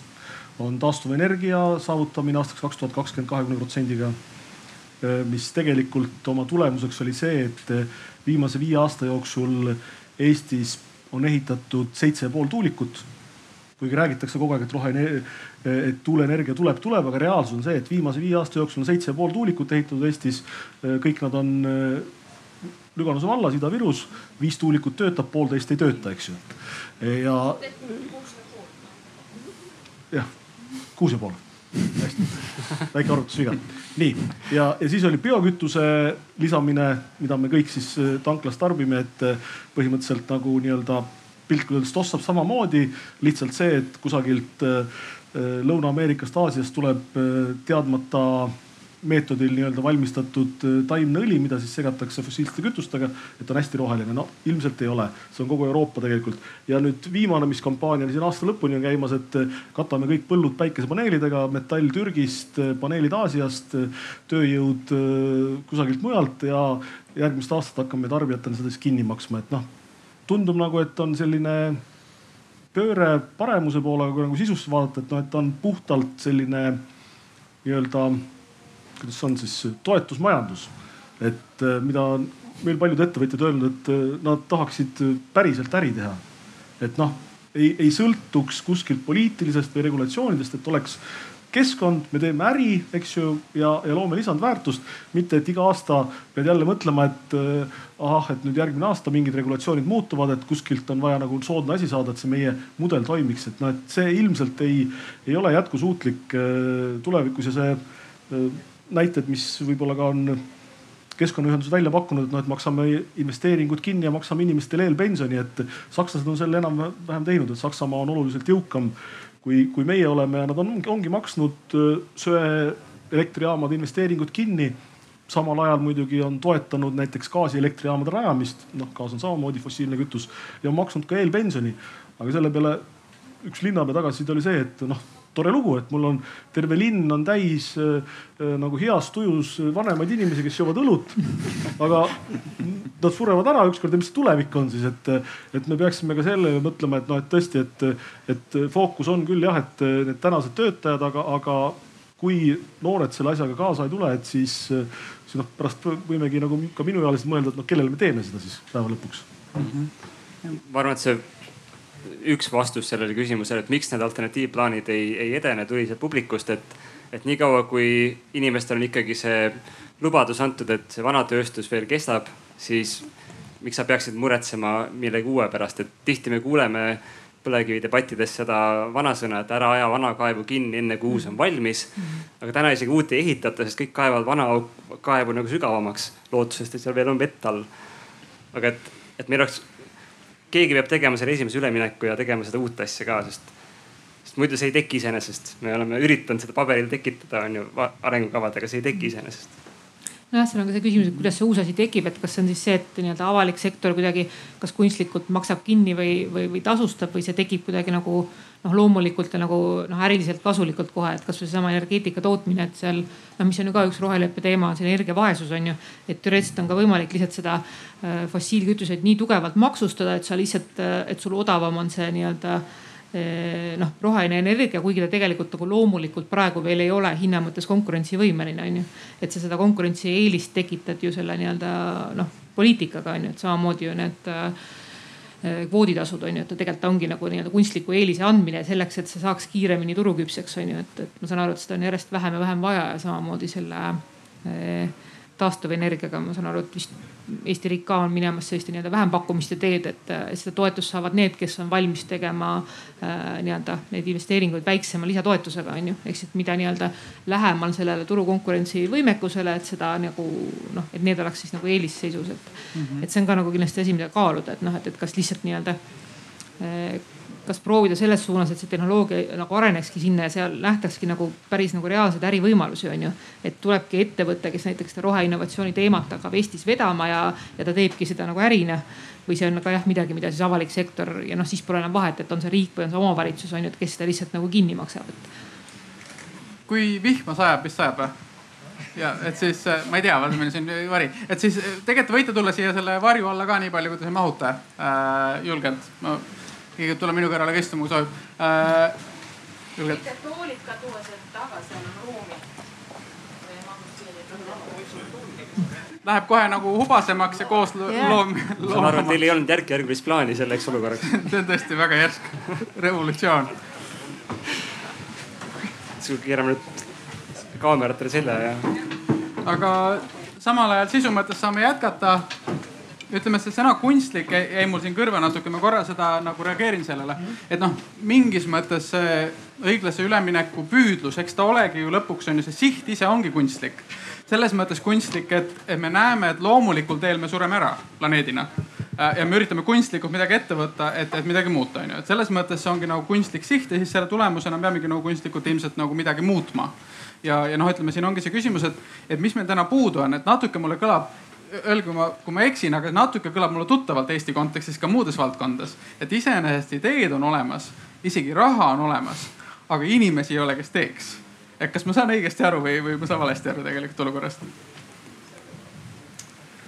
kahtlemata, et ega inimene on ju fookuses ja miks, kui omavalitsuste vaatest vaadata, et me oleme nagu väga kõva ülemineku selles mõttes ära teinud, et kahesaja kahekümne tuhande pealt maakonna rahvastik on vähenenud saja kolmekümne kuueni.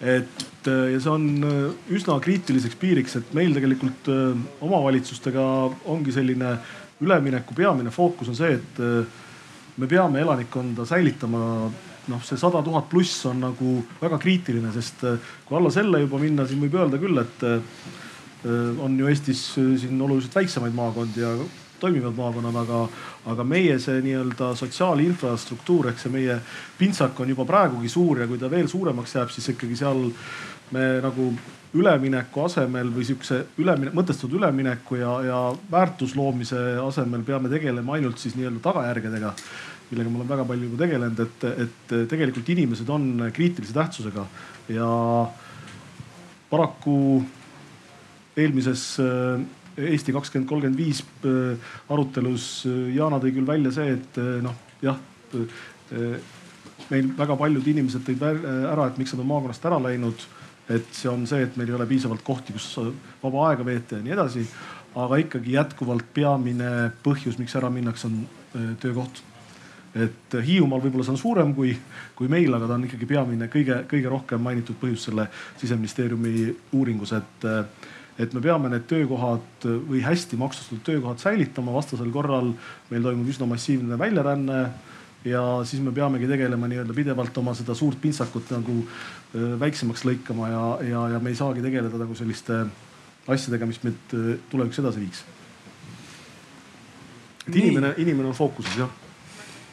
jah Äh, tere, mina olen Kai ja äh, kolm päeva nädalas elan sellises äh, Kagu-Eesti väikeses külas, nagu seda on Saru küla.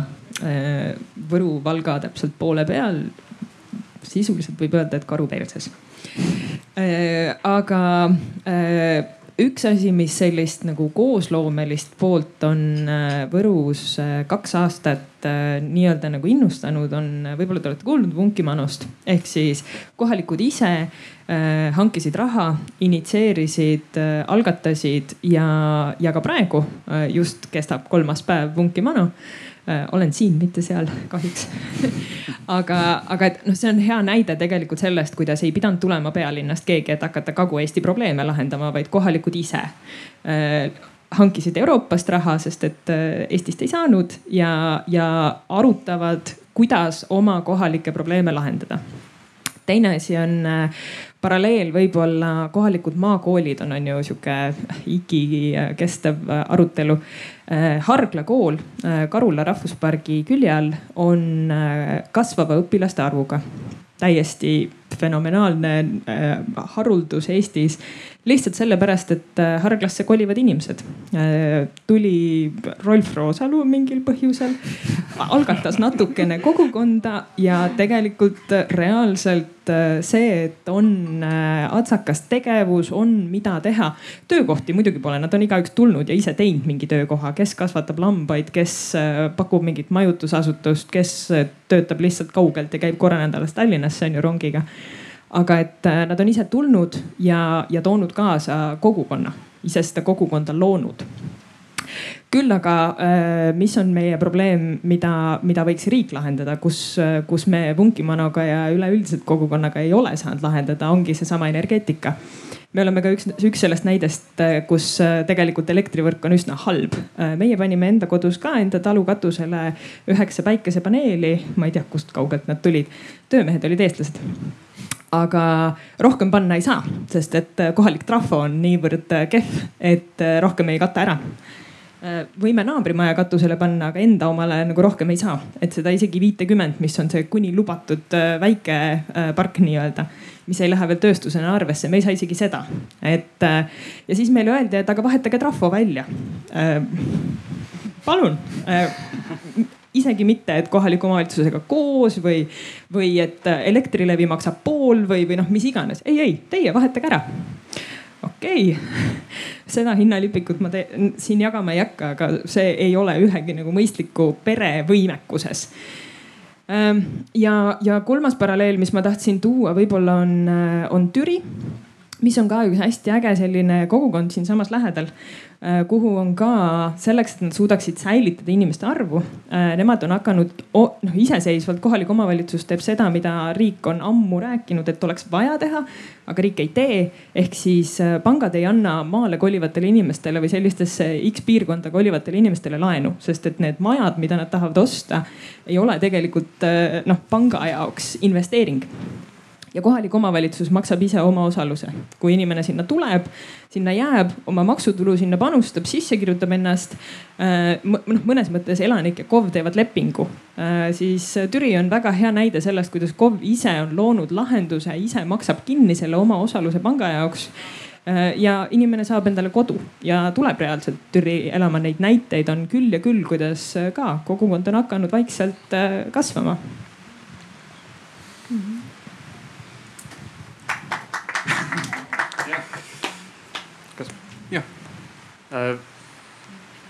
Siin ka näide võib-olla või haakub sellega äh, see, et kui küsitakse keskkonnaühendustelt ka, et mis see Ida-Virumaa lahendus siis on, siis meie oleme koosloome usku, me ei ütle.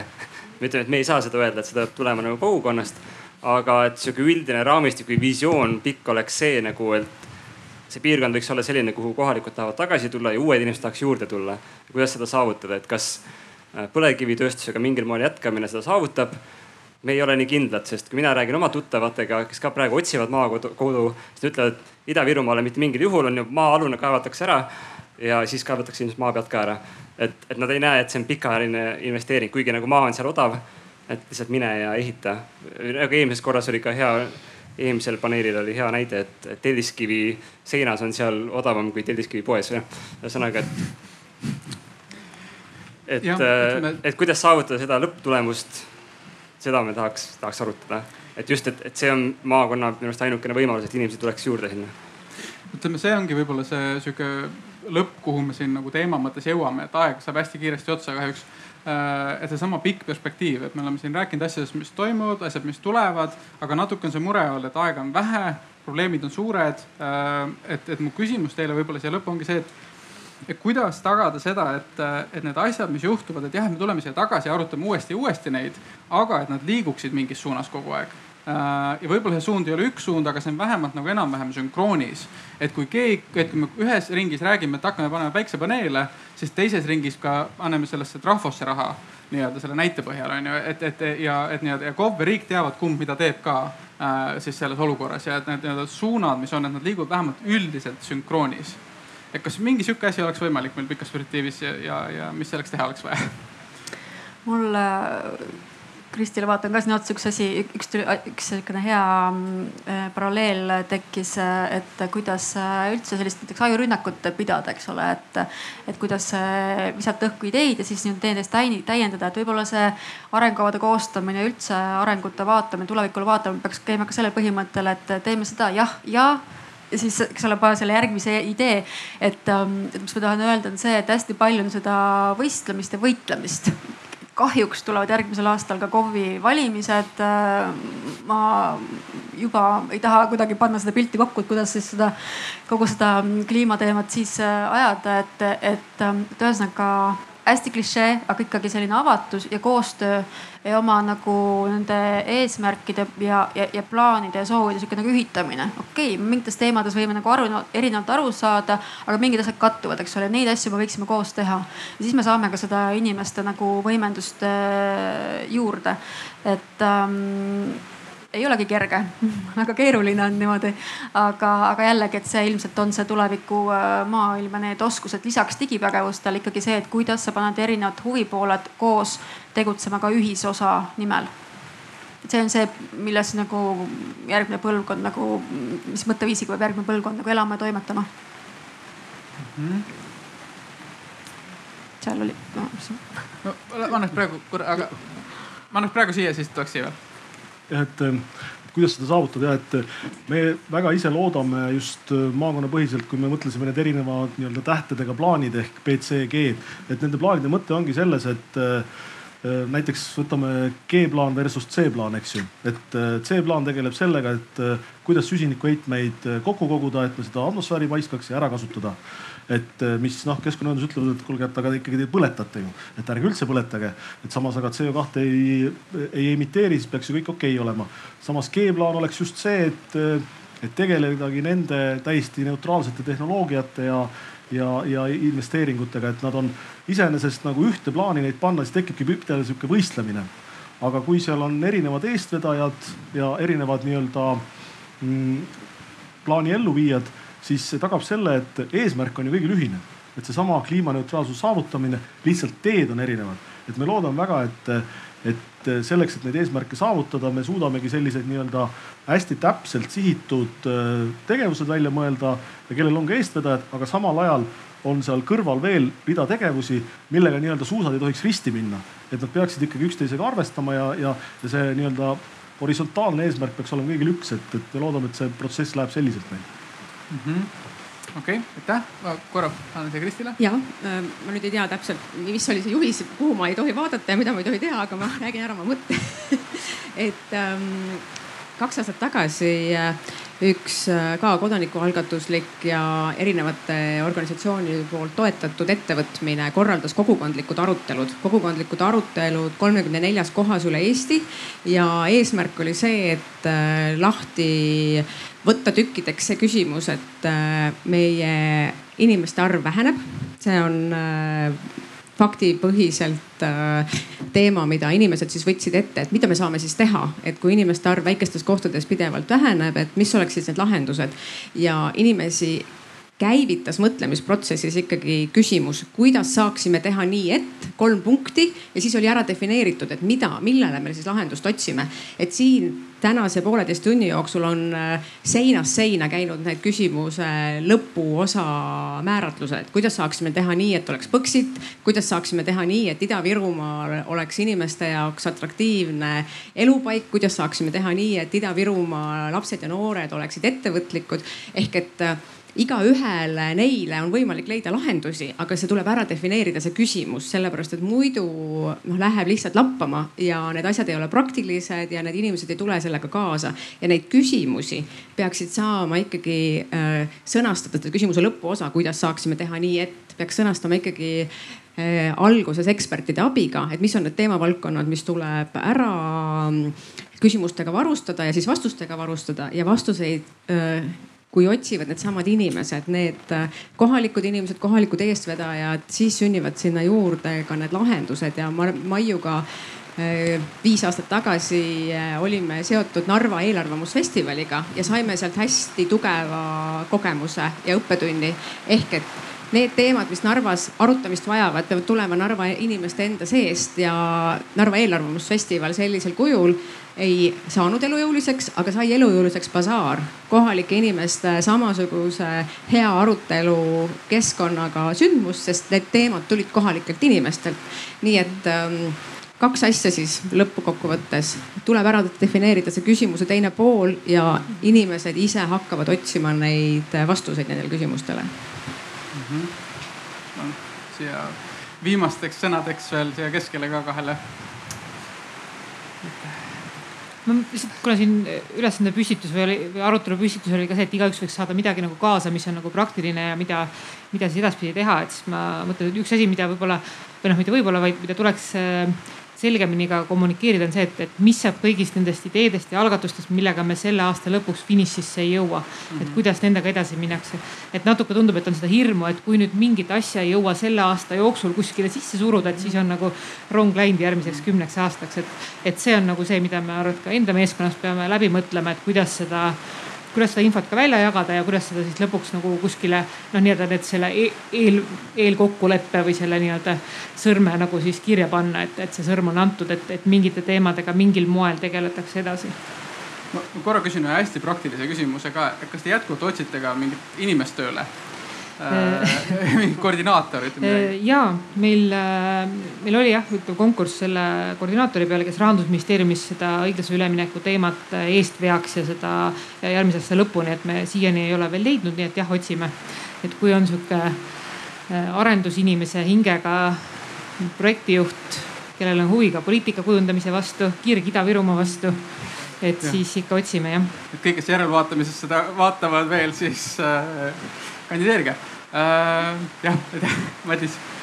ma võib-olla lõpetan sellega, et, et need suured nihked selles, kuidas me mõtleme nendest teemadest, need võivad tulla järsku, et kui kaks aastat tagasi oleks ilmselt olnud mõistlik küsida, et või no oleks olnud paljude inimeste huulel küsimus, et kuidas me saaks teha nii, et põlevkivist elektrit toota veel võimalikult kaua. täna mitte keegi enam seda ei küsi, et kuidagi see on ära otsustatud. aga täna me küsime väga tihti, pahatihti, et kuidas me saaks võimalikult teha nii, et õli tootmine jätkuks ma arvan, et varsti me ei küsigi enam seda, sest jällegi midagi võib-olla väljastpoolt muutub. ja siis me hakkaks küsima neid õigeid küsimusi, kuidas me saame teha nii, et Idu, Ida-Virumaast saaks elukeskkond, mis me kõik tahaks, et oleks mul on hea meel kuulda vähemalt, et teoreetiliselt vähemalt kõigil on vist sama eesmärk tegelikult, et see viimane küsimus ongi see küsimus, mida küsitakse. Äh, et äh, lihtsalt probleem on selles, et sellest küsimusest hargneb välja veel miljon erinevat muud küsimust nagu kus ja kes toodab elektrit ja niimoodi edasi ma annaksin veel viimase võimaluse kellelgi midagi küsida, täpsustada, mis kuidagi on nagu õhku jäänud. Ehm, meil on väga metateema, meil ei ole teema, kuidas üleminekut teha, meil ei ole teema, mis küsimus on, meil ei ole teema, mis eesmärk on, kõik need asjad on mujal. küsimus on, kuidas jõuda kuhugi sellega. Ja mina olen üks Martini doktoritöö juhendajatest, ma ei julgenud oma doktoritöö teemat välja öelda ja tagumik läks märjaks, sellepärast ma olen püsti et ma tahtsin öelda seda, et ma olen natuke olnud kaasas selle protsessiga, kuidas õiglasest üleminekust on hakatud Eestis rääkima ja see on olnud tohutu läbimurre, et me sellest räägime, kirjutame nii palju, et see protsess on käima läinud, et sõna on ka tegu. et me ei peaks nii tohutult palju muretsema, et nad neid käegakatsutavaid uusi, ma ei tea, nii-öelda reaktoreid ei ole veel täna püsti, vaid väga palju on räägitud ja tähendusruum on hakanud muutuma ja inimesed on hakanud õiglasest üleminekust mõtlema ja rääkima ja mitte ainult Ida-Virumaal ja Tallinnas, vaid ka Tartus ja kaugemal. et see on väga tähtis ja teiseks ma tahtsin öelda seda, et, et selles, see, õiglase ülemineku protsess ju või noh, see kava tegemine ja mõtlemine ei saa ju lõppeda kolmkümmend üks detsember kaks tuhat kakskümmend et see kõik läheb veel edasi ja noh, sinna annab ilmselt moel või teisel kavalalt sisse kirjutada just nimelt sellesama koosloomeprotsessi. et Ida-Virumaa õiglase ülemineku protsess oleks ka koosloome no, nii-öelda hea näide ja laboratoorium, sest see on üks neetult keeruline piirkond etniliselt, kultuuriliselt, tööstuslikult ja veel sada kihti sinna otsa. et, et kui me saaks selles osas teha koosloomet, mis oleks ka teistele piirkondadele nii-öelda eeskujuks, mitte ainult, et me oleme tohutud rohetiigrid ja tehnoloogilised eeskujud, vaid ka nii-öelda inimlike protsesside eeskujud, et sellest võiks olla, selle, sellele võiks raha küsida, on minu mõte, aitäh. aitäh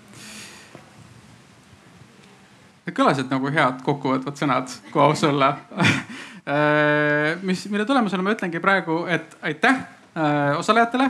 Äh, ma annan praegu sõna siis korra Piretile. lõpetuseks veel tahtsid midagi lisada? ja ma tahtsin ka Eestimaa Looduse Fondi poolt tänada kõiki lavalolijaid ja arutlejaid siin. mul ei ole kingikotte anda füüsiliselt, aga teile meili peale tuleb üks selline tore talgutuusik ehk siis võite võtta kaasa oma sõbra või pereliikme ja siis äh, minna Eestimaa looduse ilusatesse paikadesse siis äh, Elfi loodustalgutele. nii et loodan, et naudite ja ma soovin teile kõigile jõudu. ma soovin meile kõigile jõudu. ma eeldan, et ka meie oleme kõik kuna te olete siin huvilised, oleme kaasas neis protsessides, kui me saame, panustame siis, kui meil võimalik on ja, ja, ja loodetavasti kogu see asi viib sinna, et viis, viie aasta pärast, kui me tagasi tuleme, vaatame tagasi näiteks sellele samale arutelu siin, et siis me saame tõdeda, et äh, asjad siiski liikusid positiivselt edasi siit. aitäh. aitäh.